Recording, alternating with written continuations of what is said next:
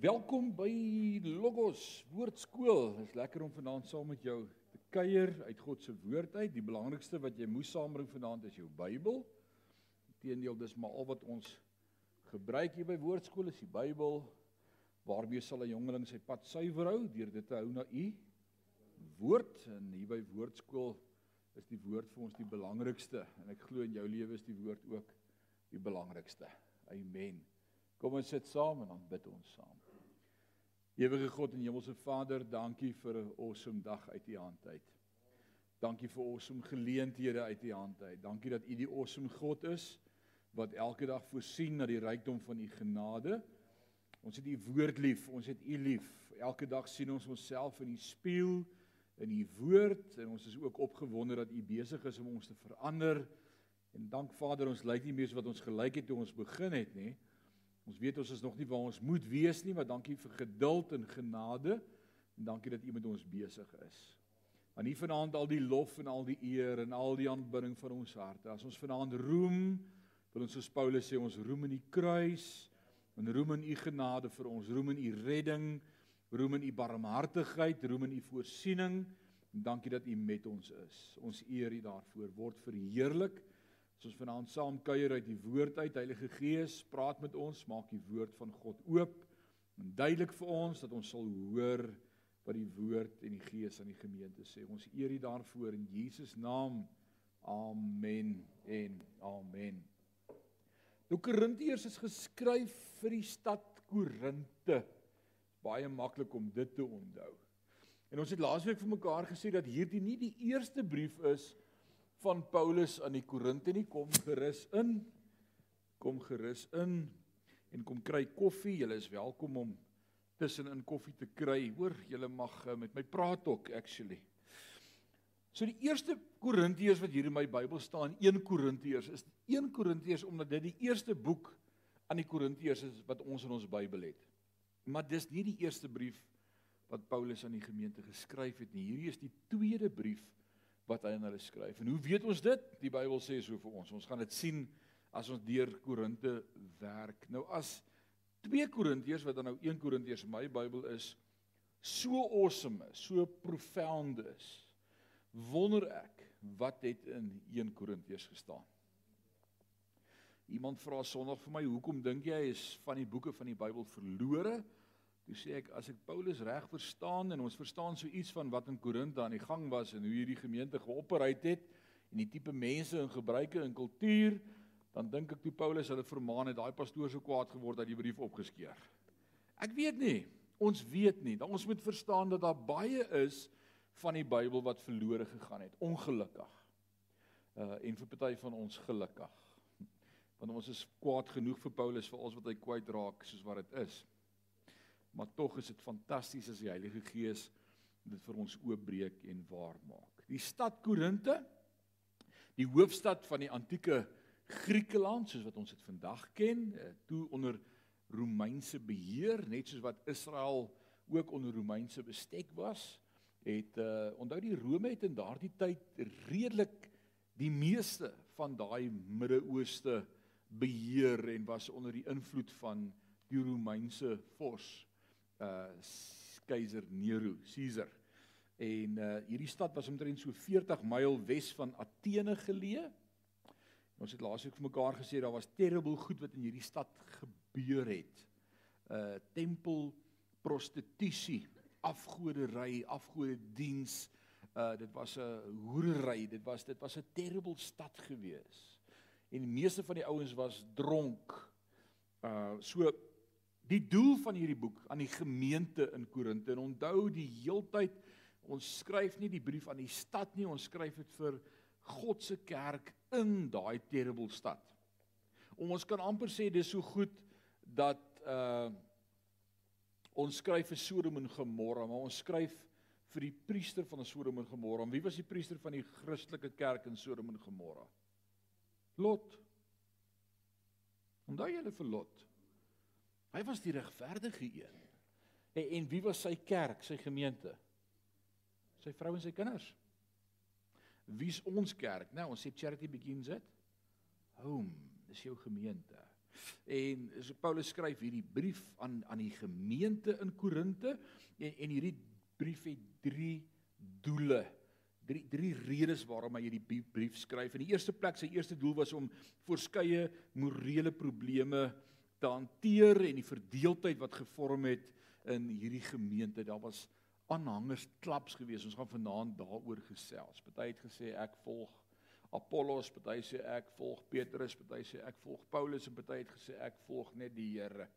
Uh, ons gaan daaroor vanaand praat. Dis wat begin gebeur het. Die tweede rede hoekom hy hierdie brief skryf en ons vind dit in van hoofstuk 7 af is dat daar verskeie vrae is wat in die vorige brief se reaksie aan hom gestel is en nou begin hy van hoofstuk 7 af om hierdie vrae te antwoord. So van hoofstuk 7 af gaan ons so iets leer van wat was die vrae wat hierdie gemeente mee gebattle het. Interessant dat daar vandag nog gemeentes is wat met dieselfde vrae battle. Hulle moet net lees wat skryf Paulus. En die derde doel reg deur die boek is dat Paulus sy apostoliese mag of gesag regverdig. Dat hy deur die tyd sê ek is apostel gekies deur Christus in diens van die allerhoogste God. Uh, ons het vanmôre by Logos by ag by by uh Sela, ek raak deur mekaar met al ons name. Dis 'n vroue woordskool woensdaeoggend 10uur en ons is seker al wat was ons al by die 30 vrouens gewees uh fenominale tyd net saam uit die woord uit. En ons is besig met 2 Johannes. Vanmôre het ons actually uh, ek dink ons het 5 of 6 verse hanteer vir 'n slag. En en en die awesomeness daaruit dit gaan so hand in hand met wat hier gebeur in die gemeente in Korinte dat God ons in ons huis gebruik dat ons in diens is van hom as apostels elkeen vroue apostels mans apostels wedergebore kinders van God in die koninkryk is 'n verteenwoordiger of 'n ambassadeur van die koninkryk. Uh dis wat ons is, ambassadeur. Sê saam met my ambassadeur. In English that will be ambassador. And that's what we are. We are ambassadors. Ons is ambassadeurs van die koninkryk. So as ek met iemand praat, as ek iemand groet, as ek met iemand besigheid doen, as ek by iemand iets koop, as ek verby iemand loop, as ek met familie kuier, uh, as ek by 'n braai is, waar ook al ek is, want ek onthou. Ek verteenwoordig die koninkryk. Dis 'n groot saak om te onthou. Ek is nie net deel van die koninkryk as ek hier by die kerk is nie. Ek is nie net deel van die koninkryk by 'n bidtuur nie. Ek is nie net deel van die koninkryk as twee of drie oor die Here praat nie. Elke oomblik, elke dag teenoor my werkers, teenoor my swart personeel, teenoor almal met wie ek werk, verteenwoordig ek die koninkryk van lig en lewe. En mag die wêreld dit in ons sien. Hulle moenie wonder nie. Hulle moet weet. Alraai. So wat is die doel van hoofstuk 1? Die die indeling van hierdie hoofstukke is so pragtig dat selfs elke hoofstuk het 'n doel En in doel van hoofstuk 1 sien ons die Christen se roeping, the Christian's calling. Dat ek en jy as kind van God 'n roeping het om voluit te lewe as kind van God. So dis waarmee ons besig is en ons het actually laasweek gekom tot by vers 3. So kom ons lees vers 2 en ons kry die ritme van die teks en ons gaan vanaand verder. Ons skryf, ons skryf, wie's besig om te skryf? Kan julle onthou? Paulus en O, julle kan nie eers dit onthou nie. Wie was hy gewees? Sostenus, Sostenus. Uh en ons het verlaasweek in detail vir mekaar vertel waar pas hy in die prentjie en dat hy eintlik 'n Jood was wat Paulus wou verklaar het by die Joodse raad en toe almal teen hom gedraai omdat niks gebeur met Paulus nie en toe het die Here eintlik sy siel gered en hy word wedergebore en hy's gedoop en nou skryf hy saam met Paulus hierdie brief Sostenus en hy sê ons skryf aan die gemeente van God in Korinte. Belangrik om dit te onthou, 'n gemeente van God. Elke gemeente behoort aan nie dis belangrik om te onthou. Jy's deel van die liggaam van Christus.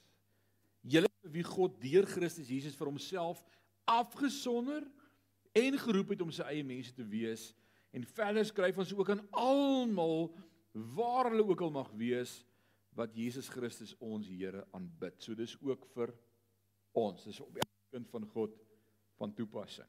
Mag die genade en vrede van God, ons Vader en die Here Jesus Christus met julle.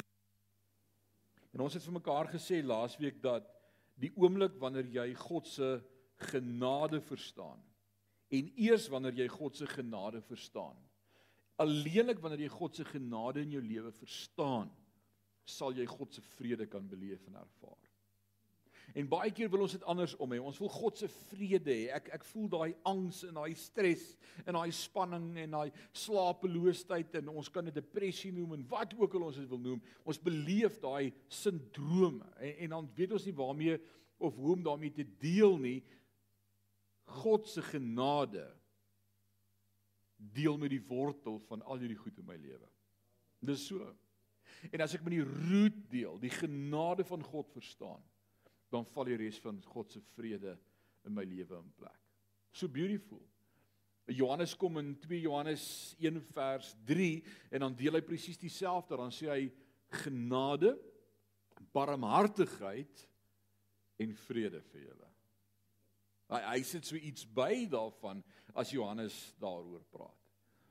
Uh dink dink gaan Paulus as hy skryf en ons gaan dit later in in hierdie brief behandel in detail, maar as ek vanaand vir jou sal sê watter een hoofstuk van die 1 Korintiërs staan uit as die hoofstuk wat almal letterlik ken.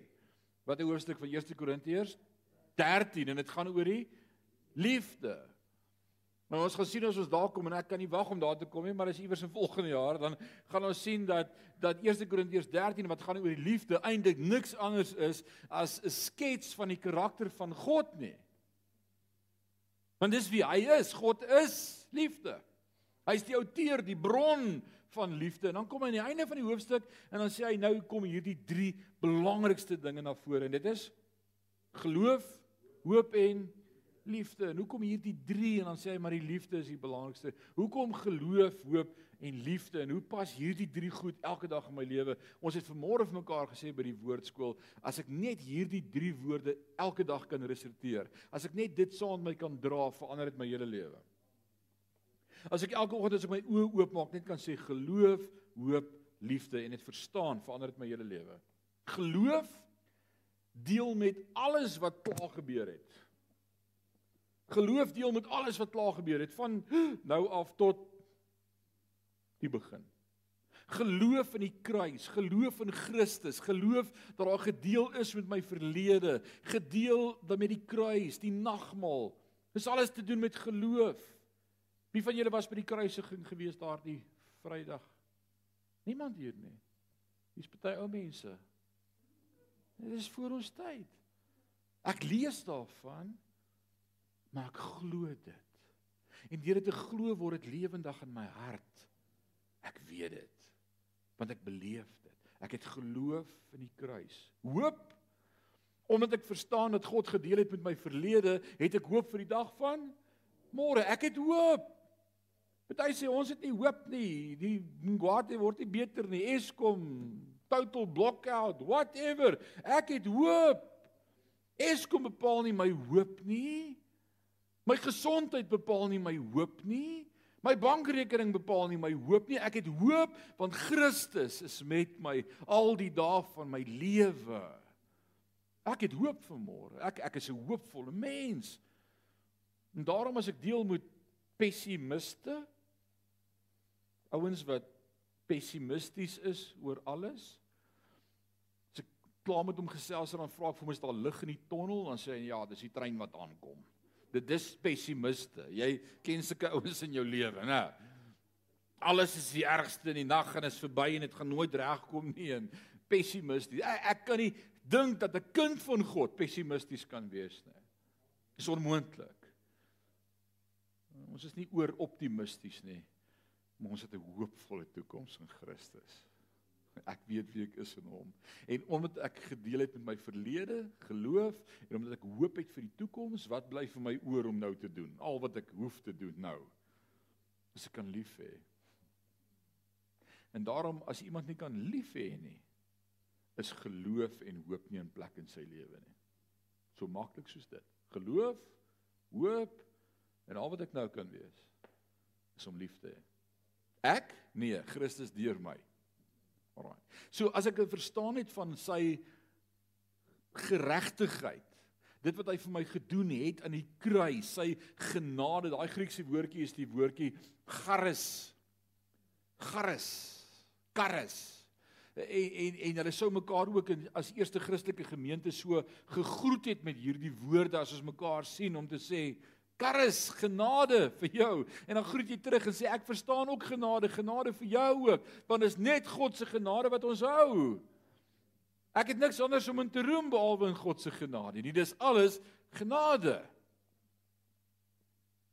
Die eerste kerk sou mekaar ook gegroet het met die woorde Maranatha. Maranatha wat beteken Jesus kom weer. Jy sien ek bely wat ek glo en ek groet jou met hierdie awesome vooruitsig. Maranatha.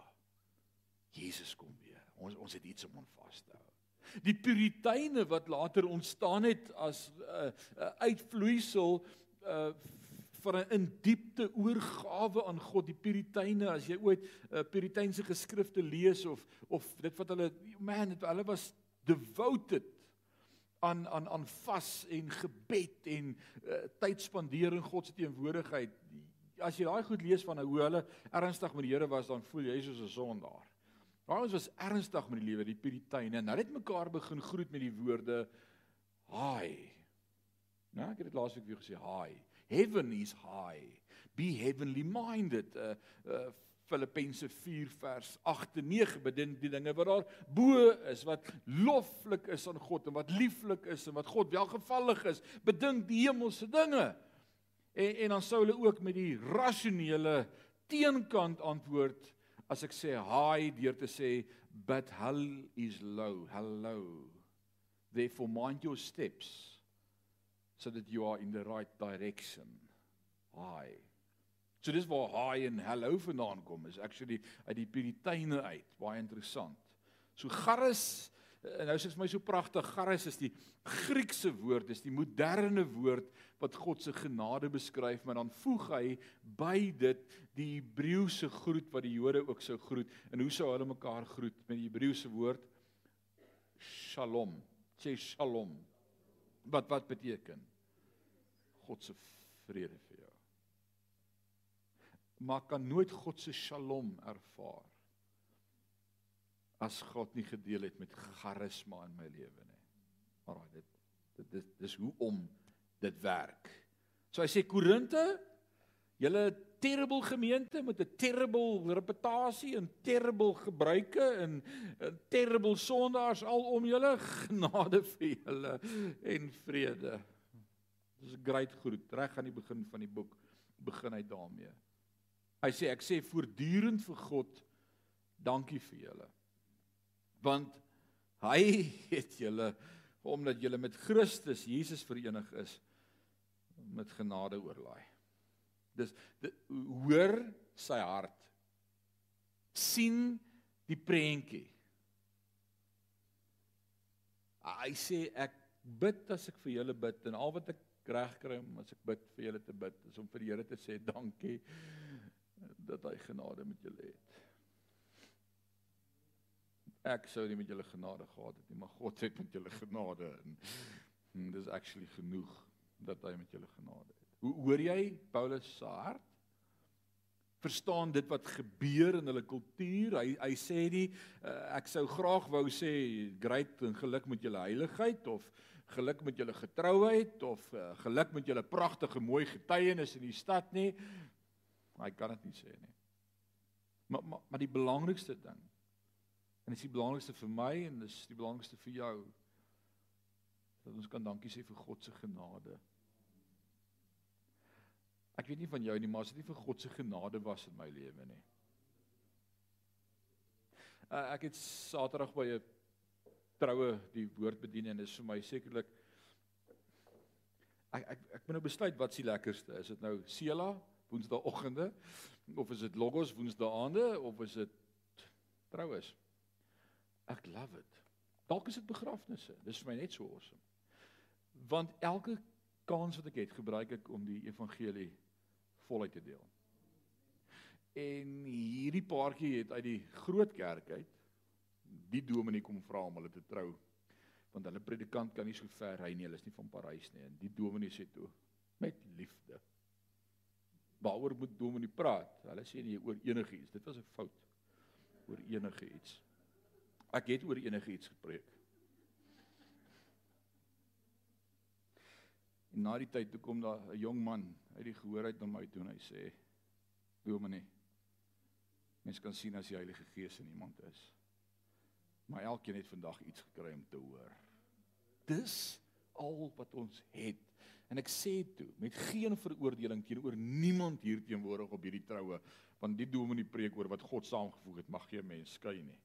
Dis mos nou nie meer iets wat jy oor wil preek nie. En toe sê ek, as dit nie vir God se genade was en vir my vrou se liefde vir my nie, was ek lankal nie meer getroud nie. Elke dag sê ek vir die Here dankie vir sy genade. Dis al wat ek het.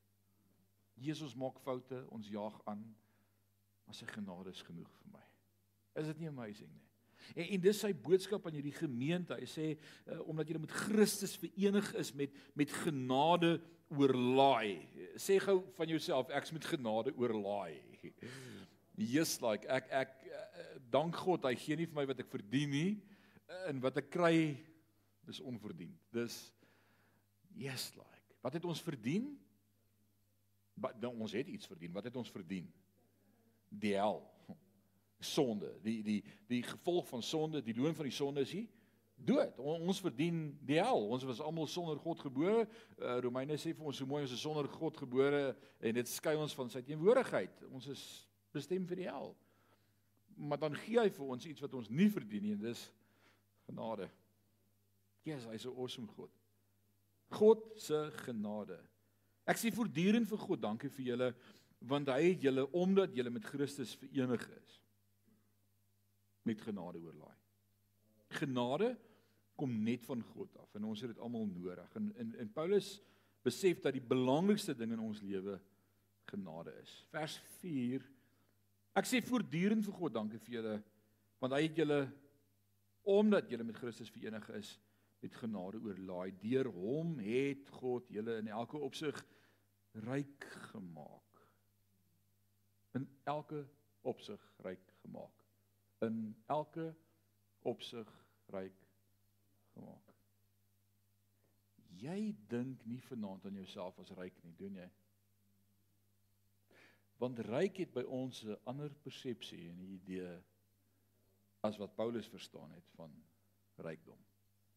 Hoor wat sê hy? Sê ek ek dank God voortdurend vir julle omdat hy julle oorlaai het met genade en deur hom het God julle in elke opsig ryk gemaak. Ryk in elke vorm van welsprekendheid en kennis. Kenosis, die Griekse woordjie, kennis wat kennis van wat? Google kennis? Kennis deur die Heilige Gees gegee. Kennis die woord sê dit so mooi as as die profeet profeteer aangaande die toekoms en Christus wat sal kom en hy praat oor die laaste daaraan sê hy niemand sal nodig hê om vir sy broer te sê wat hy moet doen of nie moet doen nie. Maar God sal in ons hart die nuwe verbond skryf deur sy gees. Johannes 16 as Jesus praat oor die Heilige Gees wat sal kom 15 16 17 die belofte van die Heilige Gees dan sê hy wanneer die Heilige Gees kom sal hy die wêreld oortuig van sonde geregtigheid en oordeel. Dis die werk van die Heilige Gees. En nou kom Paulus en hy sê hy julle julle julle is in alle opsigte is julle ryk gemaak ryk in elke vorm van welsprekendheid en kennis. Op hierdie manier is my boodskap aangaande Christus onder julle bevestig gevolglik ontbreek dit julle aan geen enkele genadegawe nie en sien julle gretig uit na Jesus Christus ons Here se verskyning by sy wederkoms. Jesus mondvol. Julle is 'n terrible gemeente met terrible gebruike en en 'n en 'n verlede van man. Julle is 'n terrible stad. Maar God het julle gered deur genade. En en hy is die outeur van genade en hy doen wat hy wil soos hy wil en hy het julle gebless met geestelike gawes. God se genade word aan julle bewys daarin dat julle verryk is in kennis, die genade van gawes. Met ander woorde, hierdie was 'n charismatiese gemeente. Die Gees het geopereer. Daar was tale en daar was uitleg en daar was uh, profetiese woorde en daar was hierdie was 'n charismatiese gemeente. Hierdie was 'n 'n Pinkstergemeente. Hierdie klomp in in in Korinte. En dit is belangrik om te sien want dit wil iets vir my en vir jou vanaand sê en dis nogal belangrik dat ons dit in ons lewe sal klik want hier dit gaan jou help vanaand om vry te word en dit gaan jou vry maak van sekere idees. Want wanneer die genadegawes vloei deur iemand. As as as Leon opstaan en 'n profetiese woord bring of in tale praat en iemand het 'n uitleg, dan sê ons daai ou het heilige lewe. Dis ons eerste denke. As as Lila vanaand kom getuig sy het vandag vir iemand gebid wat op sterwe was en die Here het hom gesond gemaak en sê ons dis 'n godsvrou. Yes. Is dit nie hoe ons dink oor die gawes nie? As iemand 'n woord van kennis spreek en in jou lewe inspreek profeties, dan sê jy dis 'n godsman. Paulus sê julle is 'n terrible klomp wat gered is deur God se genade, maar genade die gawes werk onder julle. Dis wat hy sê. Maar wat sê dit vir my en vir jou dat wanneer die genadegawes vloei in 'n man of in 'n gemeente, is dit nie 'n teken van geestelikheid nie. Maar is net 'n teken van God se genade. Dis God se gees wat dit doen. En daarom het ons in ons lewens gebattle met sekere goed in sekere mense se lewens wat ons net nie kan verstaan nie.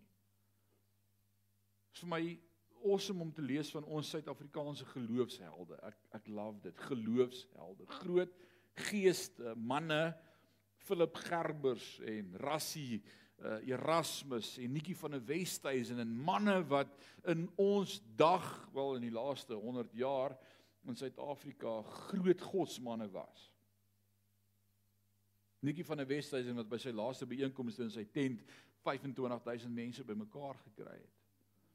Fisiek is gebid het en God raak hulle aan een vir een. Isak Burger het in sy laaste boek wat hy geskryf het oor die gawe van genesing, het hy 'n hele hoofstuk gewy aan Nikki van der Westhuizen. Ja, ek het dit by jou gelees, Erika, jy het dit vir my gelees. Manne soos Rassie Erasmus manne soos oorlede pastoor Philip Gerber. En dan weet ek van issues wat hulle in hulle lewe gehad het wat vir my laat sê, "Jesus, hoe hoe gebruik die Here so terrible ou?" Tot ek in die badkamer kom en myself in die spieël sien en dan onthou ek. Dit's net God se genade. Dit's net God se genade. Rassie Erasmus was alkoholus geweest. Konsertina gespeel koortjies gespeel. Want hulle hom party dae in die bediening het dit nie geweet nie, dan help hulle hom op die kansel, dan moet hy net op die stoel gaan sit want hy kan nie staan nie. Maar as hy konsertina vat en hy begin speel Oh the blood of Jesus, dan hardloop mense uit en val die voor neer en kom tot bekering en die Here maak siekes gesond in daai gemeente. Hoe werk dit? Dis net God se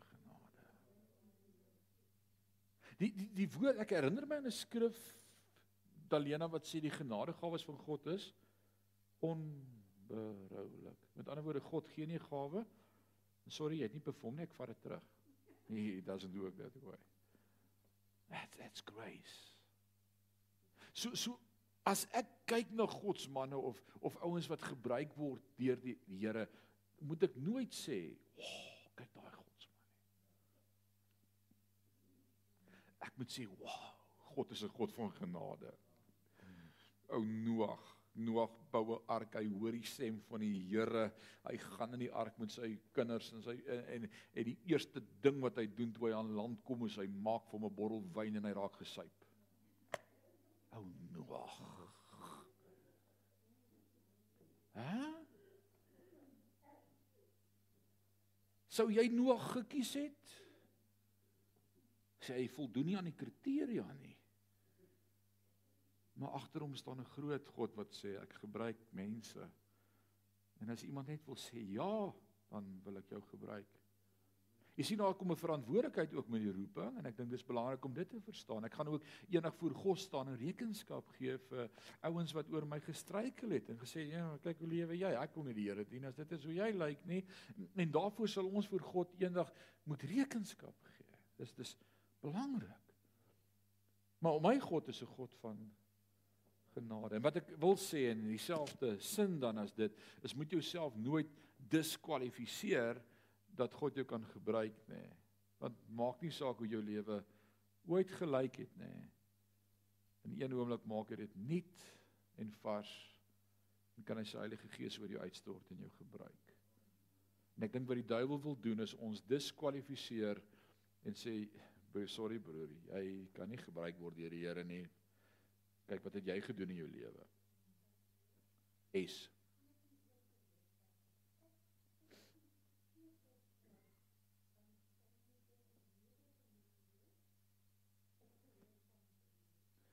baie waar. Baie waar. Biliam, die donkie, Biliam wou nie gehoorsaam wees. En soms moun ons oor die donkies wat deur God gebruik word. Maar dit is omdat ek nie gehoorsaam wou wees nie dat God moet donkies gebruik. Soos jy moun oor die ou wat hier voorsit vanaand. Uh dalk wil die Here jou gebruik wees bruikbaar sê Here hier is ek Right, so dit gaan alles oor genade en as ons uh, genade opsom, uh, hoe beskryf ons die woord genade? As ek vir jou wil vanaand sê wat is genade? What what what's the definition of the word grace? How can I how can I compilate that that description tonight? Wat wat is genade? Es vertel vir my wat's genade?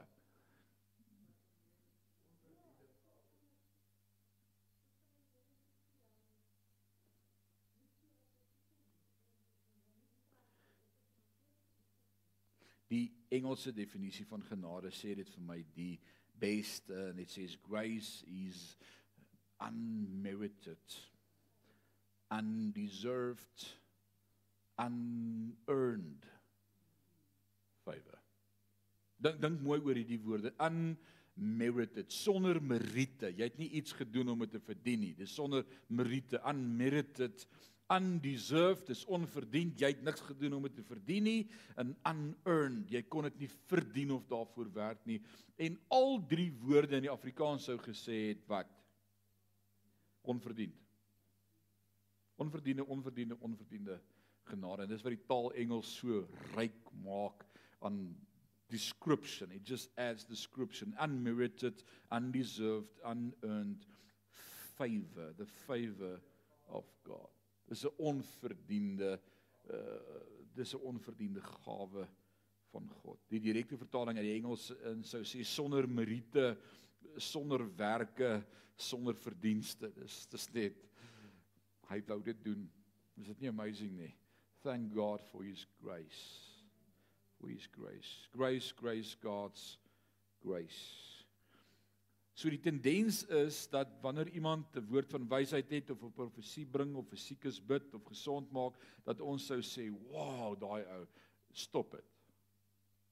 Stop dit. Dis wanneer ons dit doen en ouens op pedestal sit, dat wanneer hulle val, gemeentes toemaak en hulle teleurgesteld is en sê, "Wow, Jimmy Swaggart was 'n godsman en nou het hy hierdie vrou opgelaai langs die pad."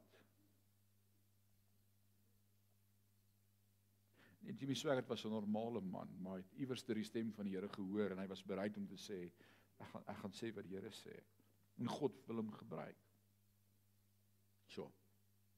Onthou vir vir Petrus en Johannes by die skone poort net na die opstanding en na die hemelvaart en, en hulle is op pad na die tempel om te gaan bid en daai oggend by die skone poort sit die verlamde man en en hulle En hy kyk na hulle vir 'n voorsiening en hulle sê vir hom silwer en goud het ons nie, maar wat ons het gee ons vir jou in die naam van Jesus van Nasaret, staan op en loop. En en hy staan op en dan kyk hy na hulle om te dink Het julle dit gedoen? En dan sê hulle vir hom: "Hey, moenie so na ons kyk nie, dit was nie ons nie, maar dit was God wat dit deur ons doen." Daar lê ook iets in van geestelike hoogmoed dat as God jou gebruik, jy nooit sal dink dis ek nie. Nooit. Nooit. Right. Ek en jy het net nodig om die ontvanger te wees van God se genade en dit moet ons bemoedig, maar ook waarsku dis nie die barometer van geestelikheid nie, dis wat ek wil sê. Die genadegawes, die werk, die profesie, die tale, die is nie barometers van dis net God se genade. Jy kan God se genade beleef sonder karakter in jou lewe. Dis sad. Maar God is God. Hulle was egter in die gawes gewees. Vra vir Korinte. Hulle was nie agter die gawes gewees nie, maar hulle het karakter ontbreek. Vers 7 gevolglik ontbreek dit julle. Hier kom dit nou. Hy, hy sê ek ek prys julle, ek dank die Here vir julle genade. As dit nie vir genade was nie, het, het Here nie dit gemaak nie. Wragtig se kyk na julle dienste en hier's gawes en die Here werk en dis ook net sy genade, maar gevolglik ontbreek dit julle aan geen enkele genadegawe nie. En sien julle gretig uit na Jesus Christus se koms, sy verskyning by sy wederkoms. Hy sal julle enduit vas laat staan. Sê amen. Wie sal ons enduit vas laat staan? Jesus en hy gee hulle hierdie versekering. Hy sê op die groot dag wanneer ons Here Jesus Christus terugkom dat geen vinger na julle gewys sal kan word nie.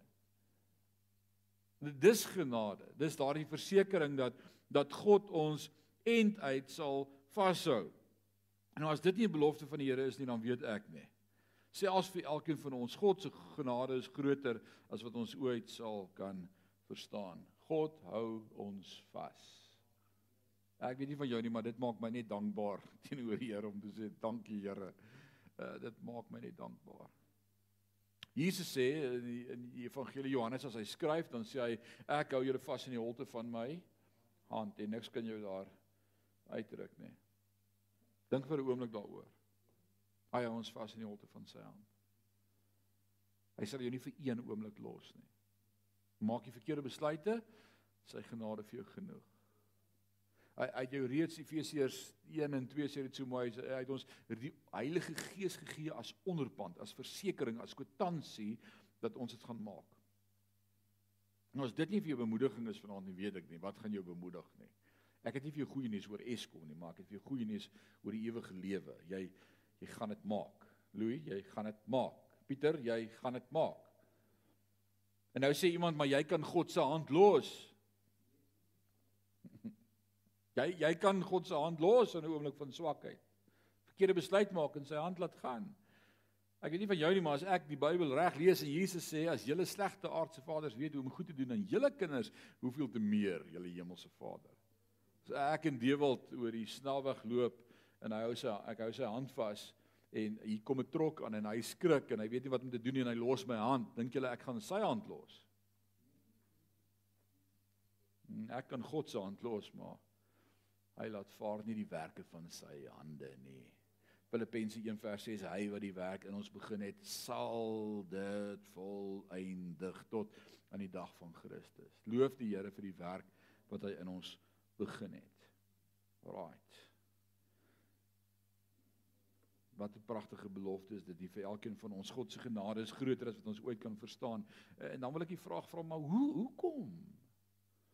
Hoe hoekom is God se genade so awesome en so groot. Vers 9. God sal dit beslis vir julle doen. Want hy hou altyd by sy woord. en selfs al verstaan jy nie hoekom nie, nou Johan. Hy is God is nie 'n man dat hy sou lieg of vir mense kinders dit hom sou berou nie. Sou hy dit sê en dit doen nie en spreek en nie waar maak nie. Nou hy as God sê jy's myne dan is jy syne. En en die verstaan van dit in my en jou lewe bring vryheid en oorwinning oor sonde. Want ek verstaan wie ek is in hom. Die verstaan van 'n kind se posisie in 'n huishouding gee hom vrymoedigheid om te kan lewe.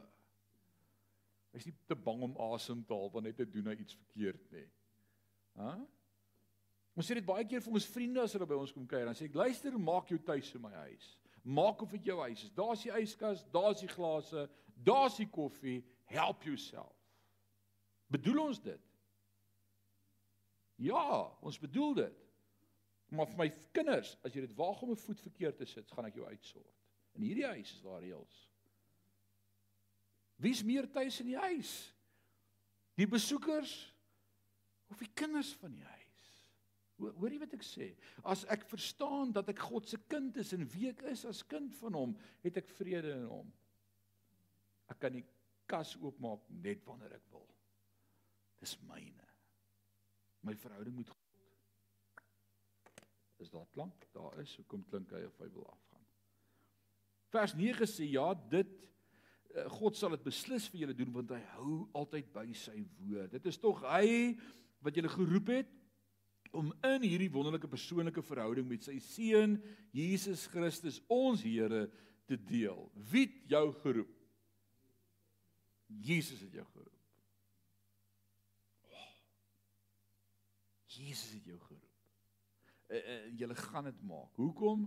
Want ons God is getrou en hy's wonderlik. Psalm 73 kom die, die outeur van die Psalm en hy sê God hou ons hand vas en hy sal ons nooit los nie. God se getrouheid en sy genade. Dit is tog hy wat julle geroep het om hierdie wonderlike persoonlike verhouding met sy seun Jesus Christus, ons Here, te deel. En nou, broers en susters, pleit ek by julle in die naam van ons Here Jesus Christus om eendragtig saam te staan. Een in julle oortuigings. Julle mag nie groepvorming onder julle wees nie. J julle moet een van gees wees.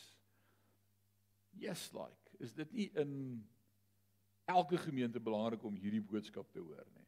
In elke selgroep, in elke klein groep, in elke susters bid hier, in elke bid hier, in elke onderlinge byeenkoms, in elke familie, in elke gesin. Let's let's the charity begins at home. Kom ons trek dit na ons gesinne toe. Eensgesindheid. Pa wil links, ma wil regs, kinders moet vir hulle kies waar wil hulle gaan. Dat my altyd dink aan hierdie storie van van hierdie ongenooide gas wat opgedaag het by familie en hy het gebly en gebly en gebly en gebly is nader aan 'n week, nader aan 2 weke, nader aan 3 weke. Hy het geen plan om terug te gaan na sy huis toe nie. En hierdie man en vrou kan dit net nie meer hou nie. En hulle praat met mekaar in die kamer en sê: "Hoorie, ons moet 'n plan maak om hierdie ou se ry te laat kry." Hulle sê: "Oké, okay, vanaand aan tafel as ons klaar geëet het, dan stry ons met mekaar oor iets. En dan vra ons vir hom wie se kant kies hy. En as hy sê hy kies jou kant, dan jaag Seef hom weg. En as hy sê hy kies Seef se kant, dan jaag jy hom weg. Maar hierdie ou moet nou sy pad kry. Hier regtig. Dis nou weet jy hoe voel dit om jou huis net te wil terug hê? Jy sal nie weet as familie so lank bly nie, né? En hierdie aand tref hulle mekaar. Hulle beklei met mekaar oor 'n nonsens en naderhand sê hulle vir hom: "Wat sê jy?" Hy sê nee, ek kuier lekker.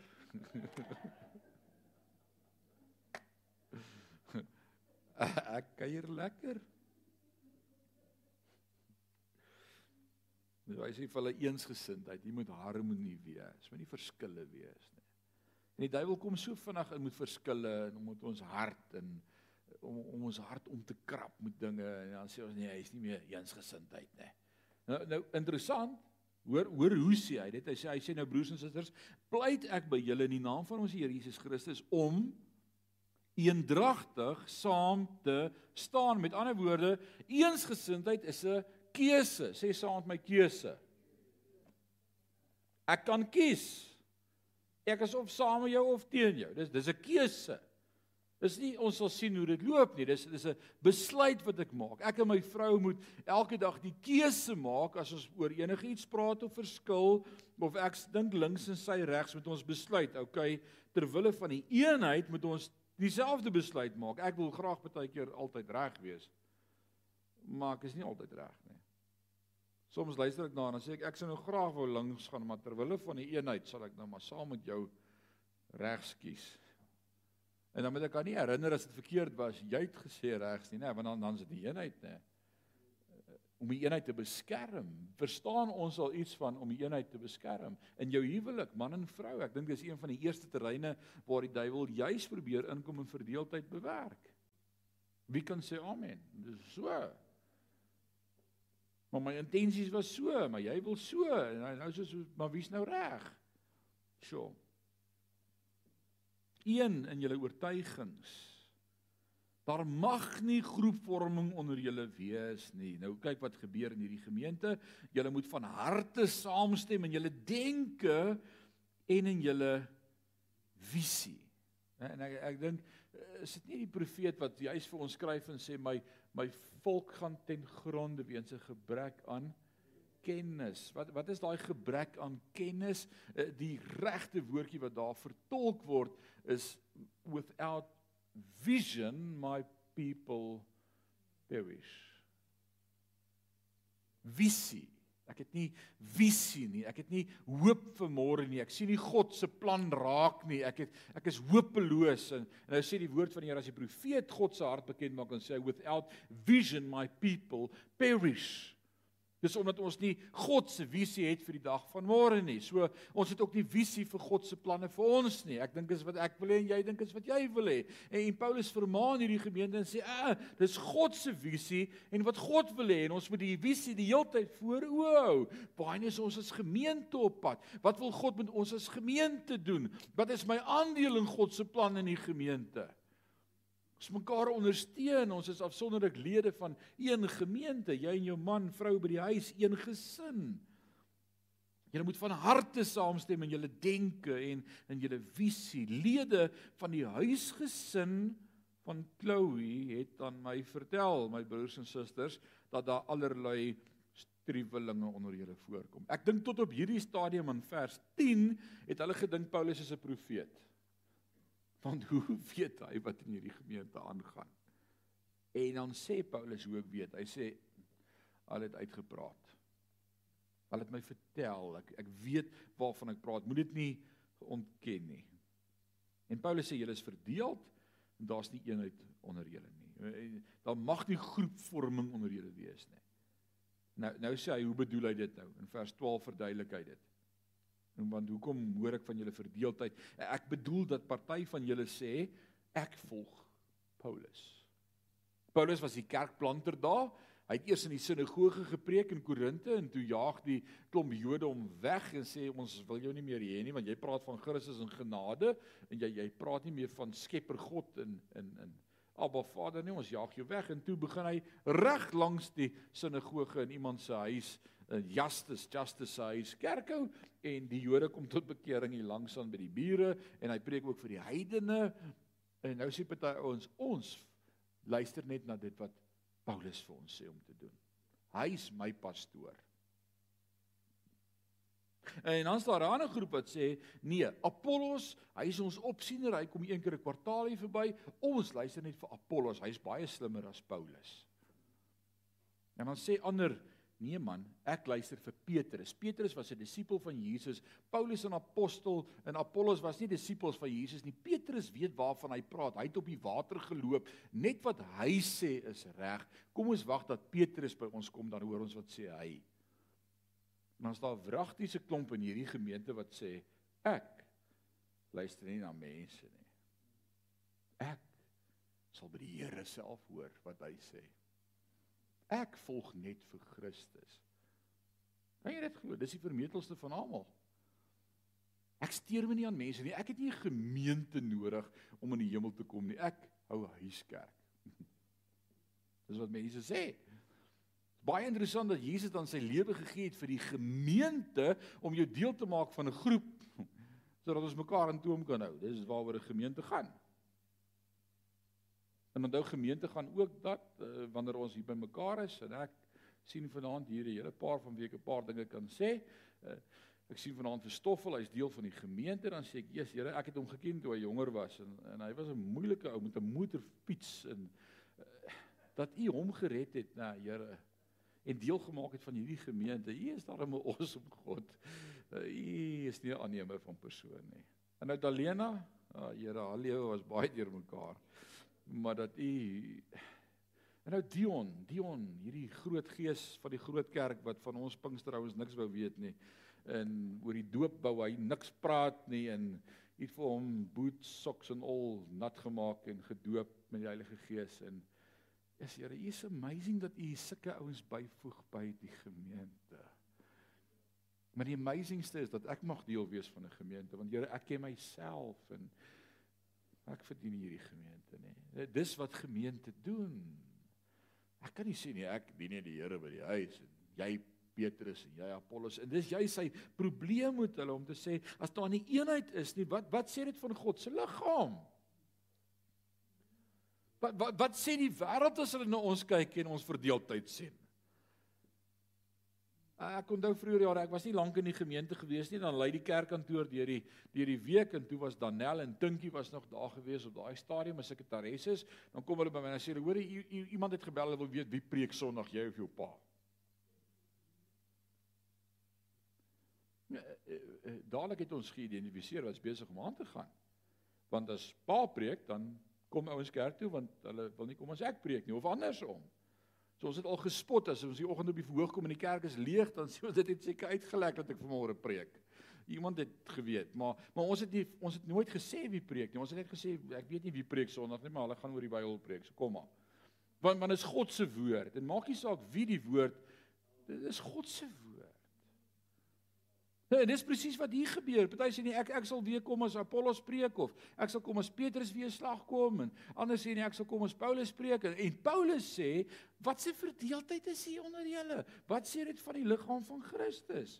As daar nie eenheid is nie, dink julle regtig vers 13 Christus kan so in stukkies verdeel word? Hoor wat sê hy?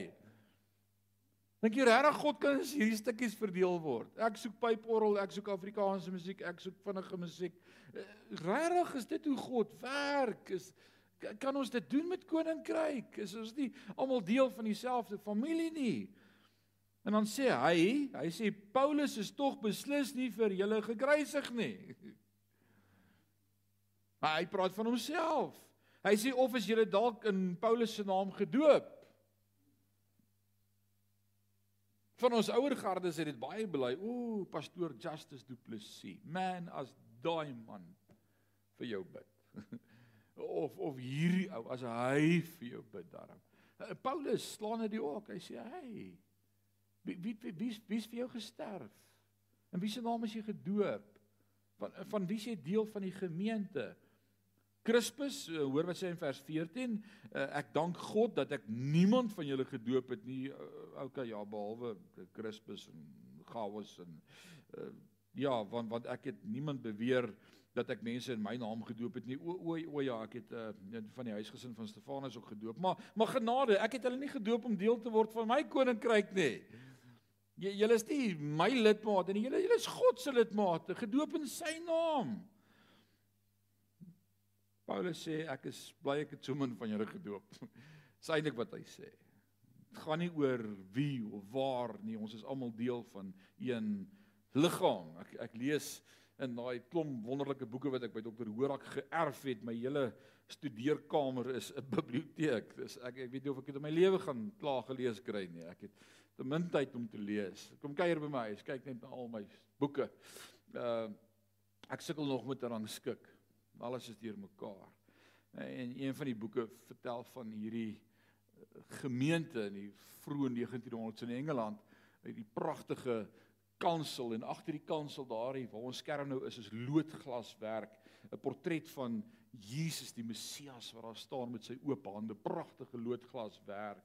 Maar die predikant wat hulle in daai gemeente het, is 'n groot, duidelike, breë, lang man. Hy staan sy skoene vol en uh Sondag staan hy die hele kansel vol. En die naweek is hy af diens, hy vat vakansie en die ouetjie wat instaan vir hom is Jacques se saai, so klein maar tingerige mannetjie. En terwyl hy staan en preek, stamp die dogtertjie hier in die tweede ry aan haar ma en sê, "Where is the man that never lets us see Jesus?"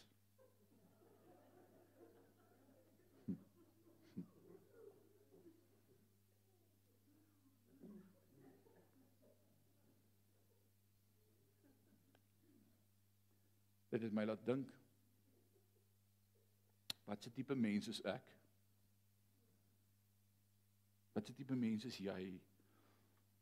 Wys ons vir die wêreld hoe lyk Christus? Is ek bereid om hom deur my te laat skyn met sy liefde sy genade en sy woorde en sy gedagtes en en sy hart vir die wêreld of is ek dalk daai predikant wat altyd in die pad is met die beeld van God. Dit sou, nee. Wat 'n tipe mens is ek? Wat wat hoe doen ek besigheid? Hoe doen ek sake? Hoe, hoe hanteer ek my gesin en my kinders en en, en as ek met hulle praat oor wat hulle verkeerd doen, wat wat sien hulle in my? Is ek is ek die pa wat vir hulle wys hoe lyk Christus? Of is ek die pa wat in die pad is dat my kinders die beeld van Christus kan sien? Jy sien jy sien nie die ding is ek en jy is geskape na God se beeldnis. Maar hy het sy asem in my geblaas en gesê heers verteenwoordig my op aarde wys my op aarde leef my op aarde en as ek dit nie doen nie is ek die ou wat in die pad is van die prentjie van Christus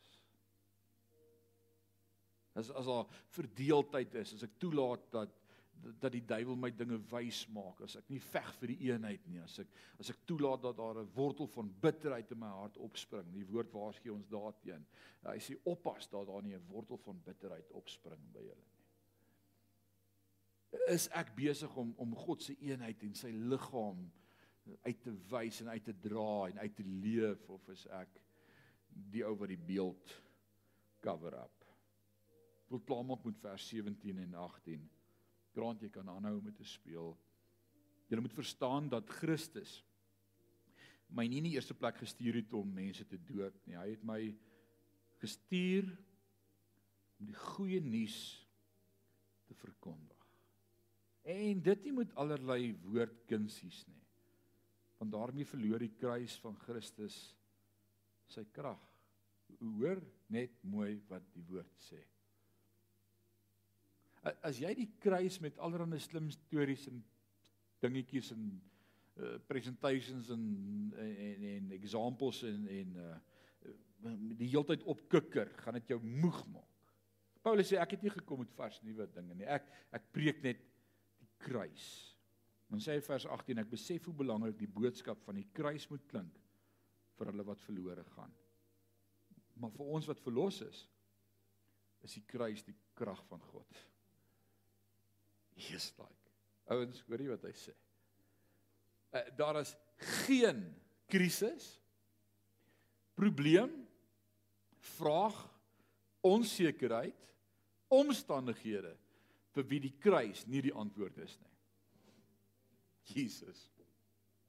En en en en kerk reg oor die wêreld en ek volg baie gemeentes en ek sien wat bied hulle aan en hoe bied hulle dit aan en hoe probeer hulle dit afwater tot op die vlak van wat nou gebeur in die omgewing en samelewing en en om relevant te wees tot tot die jaar 2022 hulle verloor die waarde van die kruis.